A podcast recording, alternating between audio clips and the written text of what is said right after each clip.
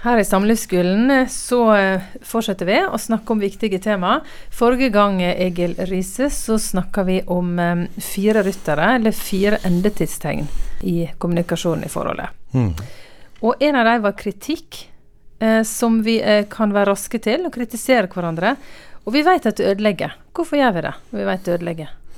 Nei, Hvorfor kan vi ikke bare slutte? Vet du hva, Det har jo mange prøvd å si til ektefellen sin. Noen blir veldig glad når de hører at Gottmann har sagt det, at det er så ødeleggende at i 97% av tilfellene så går alt i vasken hvis man begynner med tre minutter med kritikk. Men det hjelper jo ikke å si det til ektefellen. Så jeg håpte at vi skulle forstå litt bedre. Eh, vi må gå litt dypere for å løse det. Først vil jeg si vi må begynne i den gode enden. For alt handler om kjærlighet. Mm.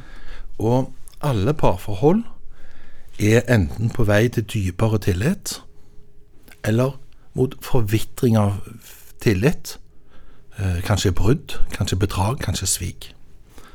Men altså, enten så er man på vei til dypere tillit, eller så er man mot forvitring av tillit. Og det som eh, vi kan si, det er at det, kanskje det å bygge tillit, styrke tillit, er det samlivet handler om. Det er det det handler om. Det er det som er spørsmålet. Er du der for meg? Kan jeg regne med deg at du er der for meg hvis? Og er det plass for meg i dette parforholdet? Eller må jeg bli som en inntørket rosin i solkarmen for at ikke mm. blir kasta ut? Det er plass for meg sånn som jeg er. Er det plass for meg sånn som jeg er? Så når det er det vi holder på med, så må vi prøve å tenke på hvorfor ender vi opp i å ikke være modige? Og liksom være sårbare, åpne med hverandre, men ende opp i kritikk. Og Det hadde jeg tenkt jeg skulle fortelle litt om i dag. Ja. Kritikken den har kun to kilder. Det er kun to grunner til at man kritiserer andre. Det er A. En distanserte partner. Det er alvorlig. Det er at det oppnås ikke kontakt med mobilabonnenten. For målet er jo å ha kontakt. Mm. Stå sammen. Bekrefte hverandre. Og når en føler at det ikke oppnås kontakt, så går man i et slags gir. Eh, nesten som eh, førstehjelp. Eh, livreddende førstehjelp. Er det livet liker? Og så klemmer man til, og så kritiserer man og klyper og sier de vondeste ting for å få en slags reaksjon eller nå igjennom. Og det blir bare elendighet. Men det springer ut av det er ikke kontakt, du er fjern for meg, jeg når deg ikke. Ja, Det kan være det ene som gjør at en kritiserer i parforholdet, en distansert partner. Men hva er den andre grunnen til kritikk? Den andre kilden er indre konflikter. Jeg skal bare si litt om det før jeg kommer tilbake til dette med distansert partner. Uløste indre konflikter, det kan være forskjellige ting som spiller en rolle. Det kan være gamle traumer man har med seg. Det blir tillit i et parforhold hvis det er god kontakt. Men hvis man har med seg en historie som handler om at tillit har blitt såra, at man har blitt misbrukt, at man har opplevd å bli forlatt, tap i tidlig i livet, så kan det sitte som sånne mistenksomheter eller redsler i livet som gjør at man overfører eller tillegger partneren sin, eller det påvirker forholdet, sånn at det er sånn tema som stadig sparkes opp. At du gjør ikke sånn og sånn. Det kan være i forhold til ja, selvfølelse. At det å ikke føle seg like bra som andre på samme alder, på en måte.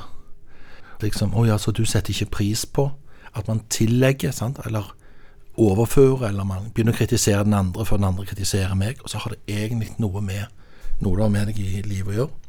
Eh, det kan òg ha med avhengighet å gjøre. Og her er jo litt, eh, litt annen vri, sant, at det sårbarhet noen mennesker har lært i livet at det er et farlig sted. Liksom, en ulykke venter bak når som helst. Det kan jo være at man krever ganske mye beskyttelse av andre, og at man er veldig på. Og det er ikke det at partneren er distansert, men at man sjøl blir ekstra krevende. Og eh, liksom tenke at partneren er distansert, fordi man tenker at den partneren skal fylle et tomrom eller man kjenner seg uselvstendig, avhengig, man klarer seg ikke alene i verden, kan òg påvirke den kontakten. Er du med meg? Mm. Så det kan være all slags traumer. Men dette er bare noen eksempler som er veldig konkrete, kan du si, i måten man har tatt ting med seg i livet på forskjellig vis, og så kan påvirke. Altså det er på en måte en slags sånn vansker med tillit som ikke har oppstått i parforholdet, men som man bærer med seg inn. Og hva kan en gjøre med det? Det er jo på en måte den ene som er traume sitt problem, men det blir vel paret sitt problem likevel? Det er viktig at man tar personlig ansvar for å jobbe med de problemene, så man kan A. få det bedre, B. sortere litt. Hva er ektefelle, hva er fortid? Det er på en måte partneren ektefellen kan gjøre. Det er jo forståelse. Så dette kan bli til noe fint. En ting er å ta personlig ansvar for sitt eget, men noe annet er å erkjenne at vi har felleseie på hverandres historie. I den forstand at de såra du har med deg, det må vi òg ta felles ansvar for. Og da kan det bli sånn at når du eh, reagerer sånn og sånn, så forstår jeg hva det handler om, og så kan jeg støtte og avhjelpe, sånn at det glir greit. Andre folk trenger ikke se det engang, men jeg vet hvor du bor, jeg vet hvem du er. Jeg støtter deg og legger til rette for at vi er et lag, vi er trygge, vi har trygge kontakt likevel. Så blir det ikke sånn fortvilelse av å føle seg misforstått eller aleine eller Jeg tror det er viktig om dette med indre uløste konflikter, at vi må aldri vi kan være redde for å erkjenne dem, for da blir det liksom sånn Særlig hvis det er en endetidstegn og kritikk og forsvar, så kan man være redd for å erkjenne ansvar for sitt eget. Det man har med. For da er det akkurat som man er redd for at noen skal si 'det er du som er feilen'. Hadde bare du vært annerledes, mm. så føler man seg utrolig ensom. Og redd for å miste. Så det kan være Vi må passe på at når Oppmuntre til åpenhet hos hverandre, mm. men når noen er åpne, så må vi være veldig stille og ikke klemme til med en liten sånn 'Der ser du. Endelig innrømmer du.' og 'Nå tror jeg jammen jeg skal sende deg til superterapeuten, for nå har vi fått en begynnelse på å fikse opp i deg.' Det må vi ikke gjøre. Vi skal vise varhet når noen tar ansvar. Og da er vi jo tilbake vel litt der vi starta med at det handler om tillit. Er du der for meg? Er det plass for meg her, sånn som jeg er? Og så vil du nå litt tilbake til den distanserte partneren Egil Risse. Det jeg vil si, det er da igjen noe om dette med en emosjonelt eh, distanserte partner. Du vet, på norsk kaller vi det tilknytning. Og noen kaller det tilknytningsforstyrrelser. Jeg syns det er mye bedre på engelsk, eh, for der kaller de det bare for kjærlighet. Ja. Så, liksom, så, da blir det liksom kjærlighetsforstyrrelser. Og det, det, det er mye mer ærlig. Eh, mange par som kommer i terapi, har jo nettopp dette problemet. At én syns det er meningsfullt å snakke om følelser og ha tette kontakt, mens én ikke så veldig interessert i å snakke så mye om følelser og ha så tette kontakt. Det er det veldig mange som egentlig blir nødt for å streve med. Men de som på en måte tenker trekker seg unna, ikke svarer, er litt sånn preoccupied, liksom hodet er litt en annen plass, gir ikke respons Viser ikke interesse. Liker ikke å snakke om vanskelige følelser. Det kommer ofte av at man som barn, kan være personlighet, men kommer også ofte som barn, at man har erfart at det er ikke så mye hjelp å få når man har vanskelige følelser. At det egentlig er noe man løser under puta alene, venter til det går over, eller at man spenner fotball, går og gjør noe annet for å komme i bedre humør. Dette kjenner mange på Jæren. For der blir veldig mange menn av Jæren som er løsningsorienterte av det. Det vil si, kan vi ikke bare hoppe over driten og gå og få det bedre? Kan vi ikke bare ha det bra på en måte? Så, men det er altså at man får en avvisende holdning. En unngående holdning til det som er vanskelig.